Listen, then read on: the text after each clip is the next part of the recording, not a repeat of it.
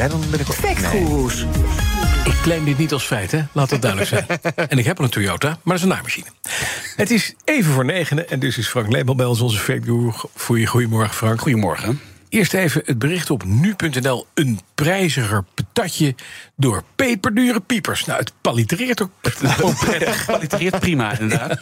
Uh, ja, nu.nl. En in, uh, van dat artikel is in de tweede paragraaf te lezen... frietaardappelen zijn sinds de oogst in de nazomer flink in prijs gestegen. Ze worden bij boeren ingekocht voor ongeveer 30 cent per kilo. Een historisch hoge prijs.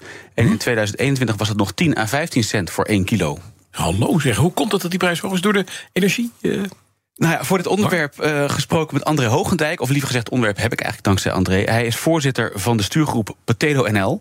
En de, uh, die aardappelprijs, en dat klinkt een beetje voor liggend... Ja, is voor een groot deel gevolg van vraag en aanbod op de markt. Ja, je ziet echt wel een, uh, een up en down. Zeker de laatste jaren met corona zie je dat het natuurlijk flink geschommeld heeft. Als de restaurants dicht waren, natuurlijk over de hele wereld, ja, dan is er ook minder friet verkocht. Dus toen zag je echt wel een flinke dip. Maar je ziet nu dat de vraag gewoon uh, flink is in de hele wereld.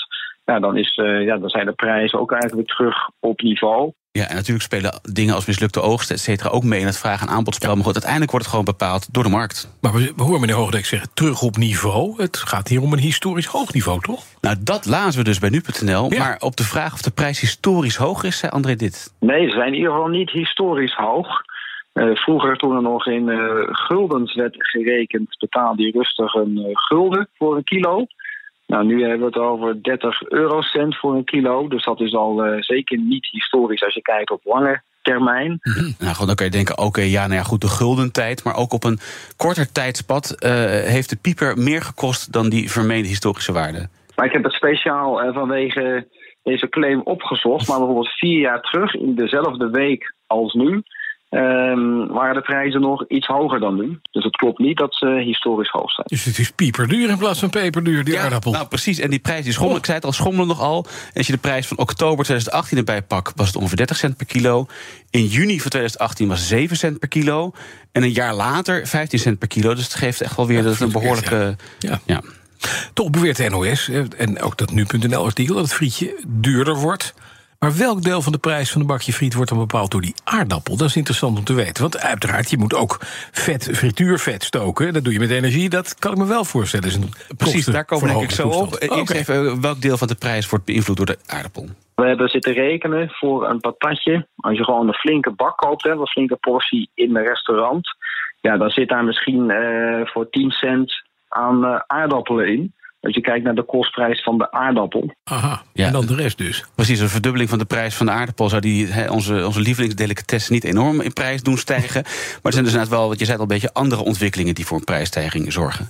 Om patat te bakken heb je energie nodig. Dat is natuurlijk afgelopen jaar flink duurder geworden. We zien ook natuurlijk wat hogere kosten voor plantaardige olie. En we zien natuurlijk in de hele sector dat de loonkosten stijgen... omdat mensen natuurlijk ook gecompenseerd willen worden voor de inflatie... Dus eigenlijk zit het in allerlei oorzaken, maar eigenlijk niet of verreweg het minst in de aardappel. dus bij deze dat ja, verhaal van... Nee, nee niet, niet, niet, door de peperdure piepers. Prijzige pieper. Nee, nee, door de peperdure bakkers eigenlijk en het bakken. Dan, peperduur personeel, ja. Australië is op zoek naar een, ja, een soort een dubbeltje groot ding.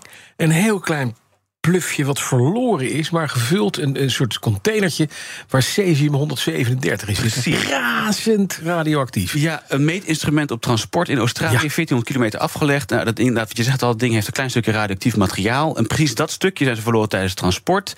Inderdaad, cesium 137. Dat metalen in omhulsel, iedereen heeft over een muntje, maar het is dus nog kleiner dan het hoofd van een Lego-poppetje. Het is dus echt. Een ertje. Ja, ja. ja echt een heel klein dingetje. Ja, precies. Volgens de New York Times zou het onderdeeltje van een apparaat zijn afgetrild en dan door pech uit het transportkrat uh, gerold en uit de, pik, of uit de truck gevallen. En er was bij de NOS gelezen dat je niet bij dingen in de buurt moet komen, omdat je dan het equivalent aan straling krijgt van 10 röntgenfoto's per uur. Hm. En dat die hoeveelheid tot brandwonden en stralingsziekte kan leiden. Hm. En ik vroeg me af of dat dan klopte. En daarvoor sprak ik met Volkert Rijsma, stralingsbeschermingsdeskundige van NRG Pallas uit Petten. Dat is werelds grootste producent van medische radioisotopen.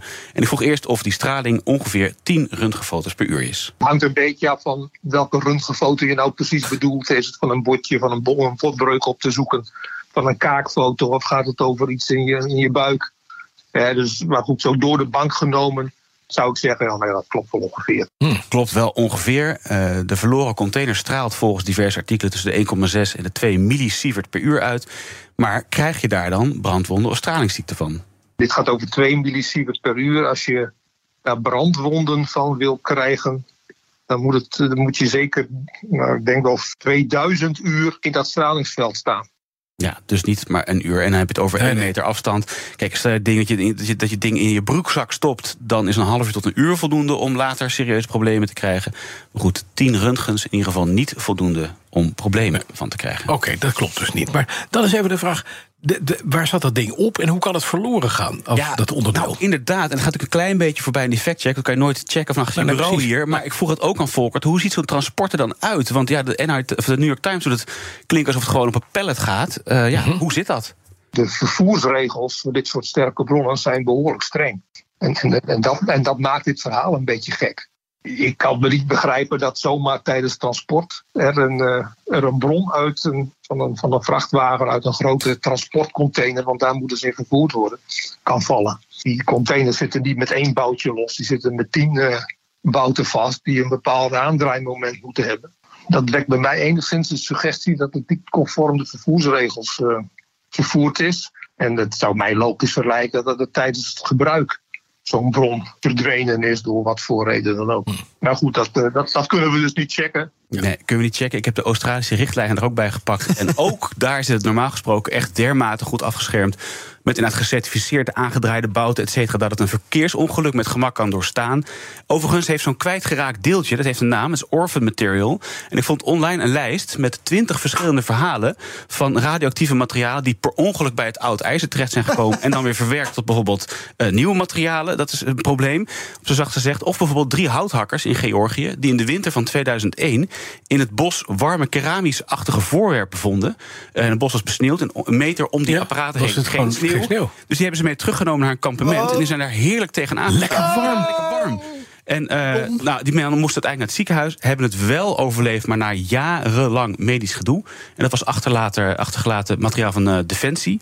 Uit de Sovjet-tijd. Dus lag er al een tijdje. Dus ja, de wereld van de stralingsbeschermingsdeskundige zit met een opgetrokken wenkbrauw over hoe dit heeft kunnen gebeuren. Ja, wat ik begreep ook. niet De club, die dit, nee, de club die dit vervoert. Het wordt gebruikt in de mijnbouw, geologie, waar je inderdaad in kaart wil brengen welke lagen er zijn. En dat kan je met, met dit soort spullen mooi doen. Uh, dan gaat het in containers met allerlei richtlijnen uh, omgeven. Dus het is gek dat dan zo'n dat één zo'n dubbeltje gewoon met, met cesium 137, waar je het lekker warm van krijgt. Ja. Gewoon afbreekt en ergens afstuitert. Ja. Ja, dus Twee kans, weken geleden verloren we waarschijnlijk. En de kans is dat er gewoon weer iemand in zijn profiel in zijn band zit. Die nu thuis in Ja. de garage heeft staan. Ja. Ja, heel fijn. Ja. Die doet het licht aan in de garage, maar dat hoeft Nee, niet. nee, dat dat stond al aan. Want het licht Ja, al. Heel goed. Dankjewel, Frank Leeuwen.